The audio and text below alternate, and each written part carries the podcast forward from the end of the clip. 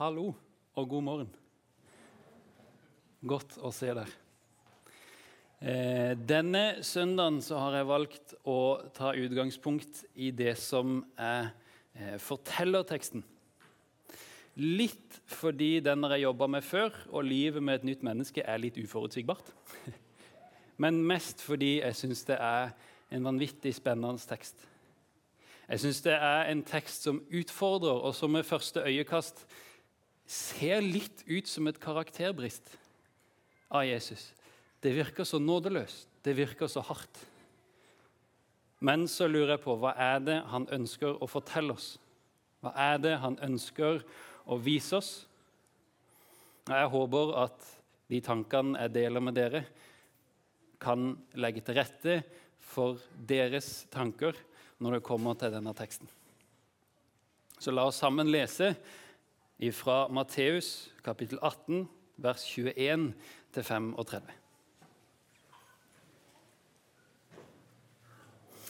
Da gikk Peter til han og spurte, 'Herre, hvor mange ganger skal min bror kunne synde mot meg, og jeg likevel tilgi han?'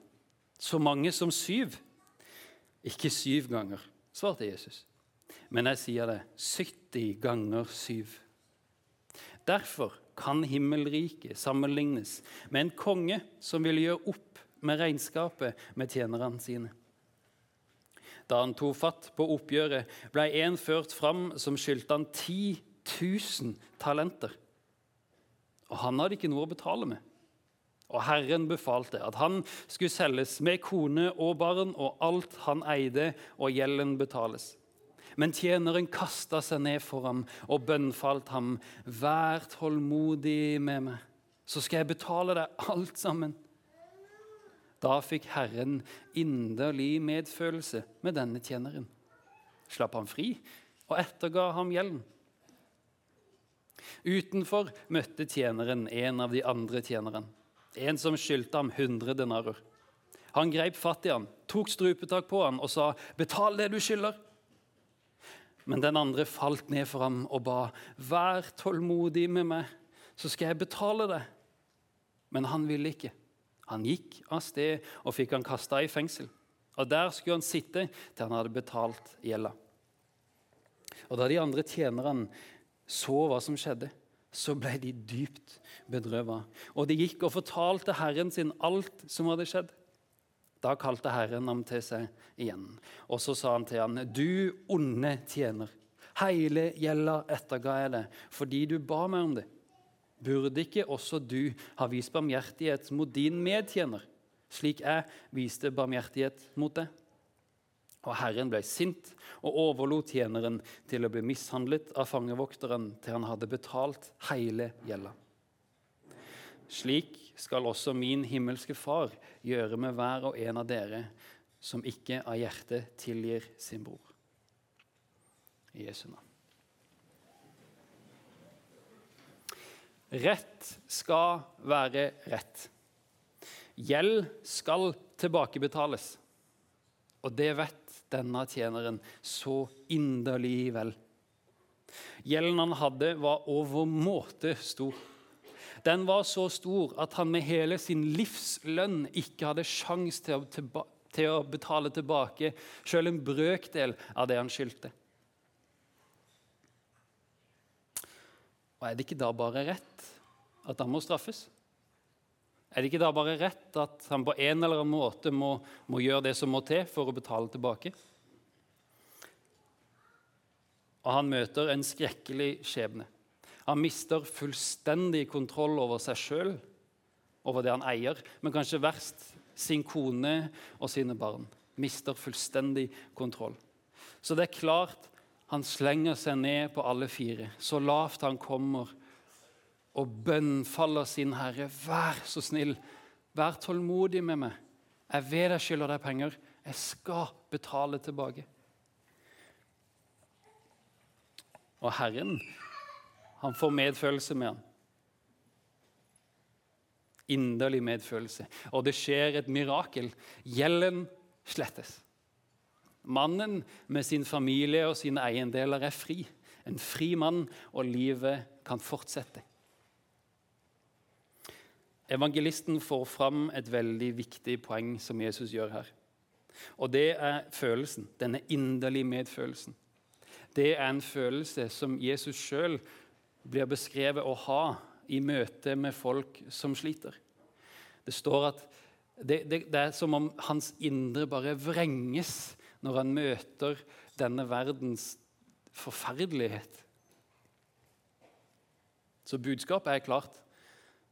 Denne kongen, den er Gud. Og Jesus, han er Gud.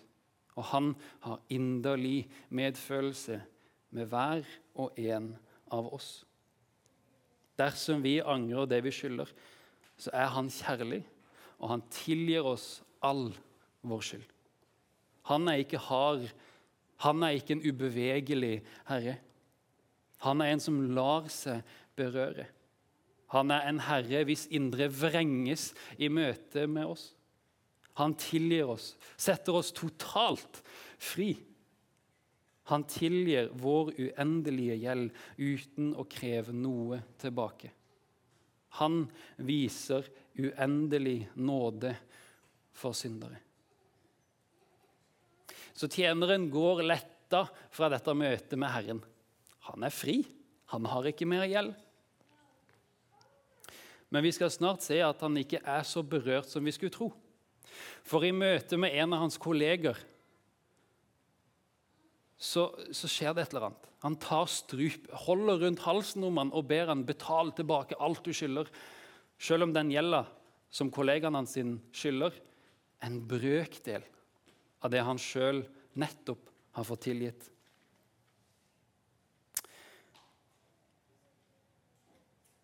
Men kollegaen ber om nåde, akkurat som han sjøl gjorde. Men han lar seg ikke bevege. Han tenker rett skal være rett. Gjeld skal tilbakebetales. Så denne kollegaen blir kasta i fengsel, og der skal han sitte til han har betalt. Og det er jo sånn denne verden fungerer. Så han har jo på en måte et poeng. Gjeld må betales. Hvordan ellers skulle denne verden gå rundt? Hvordan ellers skulle vi fått lån til å kjøpe hus hvis ikke det var en viss sånn forventning om at du betaler tilbake det du har lånt? Tjeneren har denne verdens lov på sin side. Og han har egentlig ikke gjort noe galt. Men denne tjenerens oppførsel den kommer Herren for øre. De andre som har sett hva som skjedde, de er blitt forskrekka, de er blitt skremt, og de har sjøl medfølelse for denne tjeneren som nå måtte i fengsel. Så de går til sin herre, og de forteller alt som har skjedd. At denne tjeneren kunne gi sin kollega den skjebnen han sjøl frykta som pesten uten å blunke. Hans verste mareritt ga han til sin kollega. Men hva er det vi leser om her? Er det tysting? Er det folk som ser og tenker 'Han der skal vi ta'? Fytti, for en elendig fyr. Eller leser vi her om et fellesskap av søsken som ser sitt søsken lide en forferdelig skjebne. Ser vi her noen som går til sin herre i forbønn for sitt medmenneske, for sin kollega?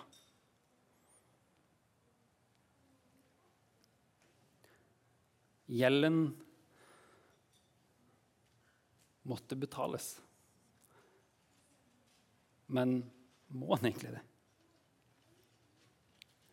Og Herren han reagerer kraftig på det han blir fortalt. Tjeneren blir kalt tilbake, og så sier han hvordan i alle dager kan du være så nådeløs når du sjøl er blitt møtt så nådefullt? Hvordan kan ikke du se det mennesket som står foran deg, din like, når du sjøl er blitt sett av din overordna? av din Herre. Så gjelda den blir gjenoppretta, og straffen blir iverksatt.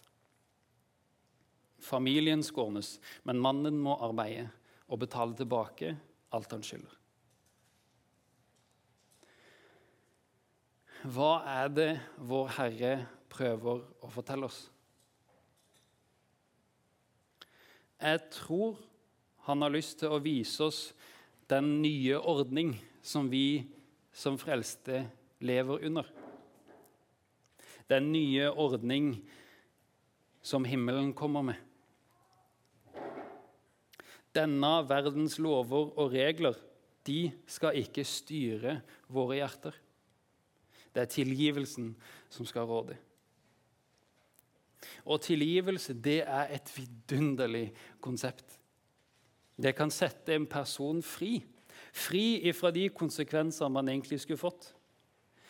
Samtidig er det et veldig vanskelig og sårt tema. For ved å tilgi så kan det virke som at man bare godtar det som skjedde. Men er det det Jesus ber oss om, Å godta det gale som gjøres mot oss, og bare la det skje gang på gang? Sett at noen har lånt det kjæreste du eier. Kanskje er det en kompis som har tatt med seg veteranbilen din på kjøretur og skrapt hele høyresida i en parkeringskjeller. Eller kanskje ligger båten din på bunnen av fjorden fordi den som kjørte, ikke hørte etter når du fortalte om at der er det et skjær?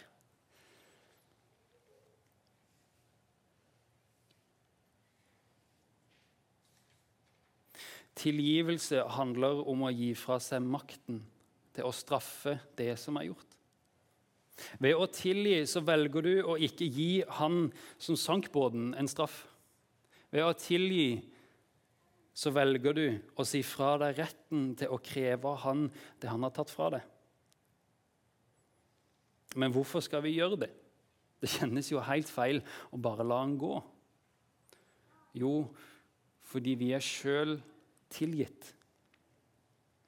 Som kristen så tror vi at Gud han har skapt alle.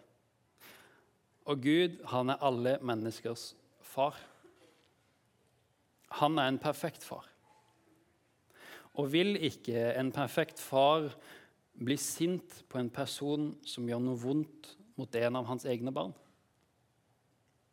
Vil ikke en perfekt far på samme måte tilgi barnet sitt når det innser at det han har gjort, er galt? Vi gjør ting mot andre som vi ikke er stolt av. Enten det er konkrete handlinger, ord vi sier, eller tanker vi tenker. Når vi gjør noe sånt mot andre og innser at dette er galt av oss, så lover Gud å tilgi uansett Dette ønsker Gud at også skal prege våre liv.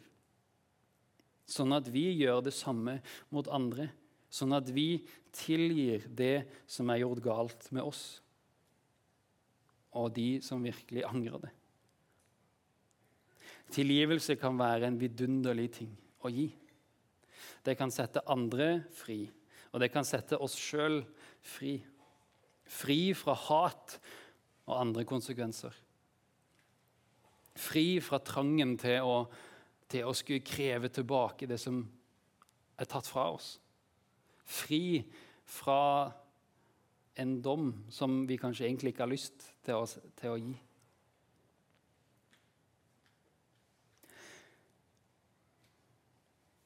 Tilgivelse handler som sagt ikke om å godta at det gale er skjedd.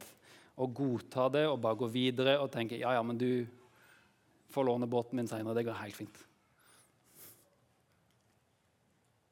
Men tilgivelse det betyr å la den som har såra deg, og som angrer, få gå fri ifra dine angrep. En som heter Mogens Müller, en teolog ved Universitetet i København, konkluderer følgende når det gjelder denne lignelsen. Tankegangen er at hva et menneske ikke lever ut av, det lever det heller ikke i. Et menneske har slett ikke opplevd Guds nåde hvis den ikke i det avføder en ubetinga og grenseløs tilgivende holdning til sine medkristne. Jeg tror at Jesus gjennom denne lignelsen han ønsker å minne oss om vår forpliktelse til å grenseløst tilgi våre medmennesker. Særlig våre medkristne og de som virkelig angrer. Nei, det er ikke lett. Det vet jeg. Men vi kan be vår far om hjelp, og han skal gi ham. Vi kan be vår far om et stort hjerte, et kjærlig hjerte, som tilgir våre søsken.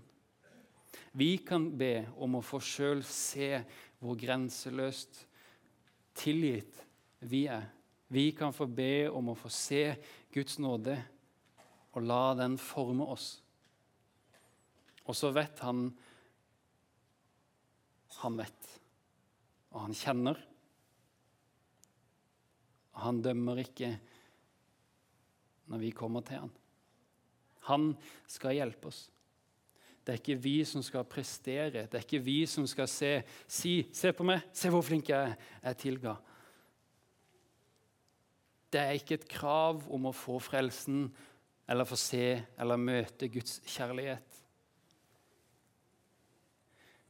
Men det tror jeg kanskje et kjempesterkt ønske fra Gud om å være med og vise Hans nåde, Hans kjærlighet til våre medmennesker, for å kunne være et eksempel og være en veiviser. Så skal Han hjelpe oss hvert eneste steg på veien. Kjære himmelske Far. Takk for at du har tilgitt oss. Takk for at du ser i nåde til oss. Hjelp oss å se din nåde. Hjelp oss til å la den forandre oss. Hjelp oss til å være et godt vitne, et vitne for folk rundt oss. Hjelp oss til å spre din kjærlighet og din nåde til de vi møter. I Jesu navn.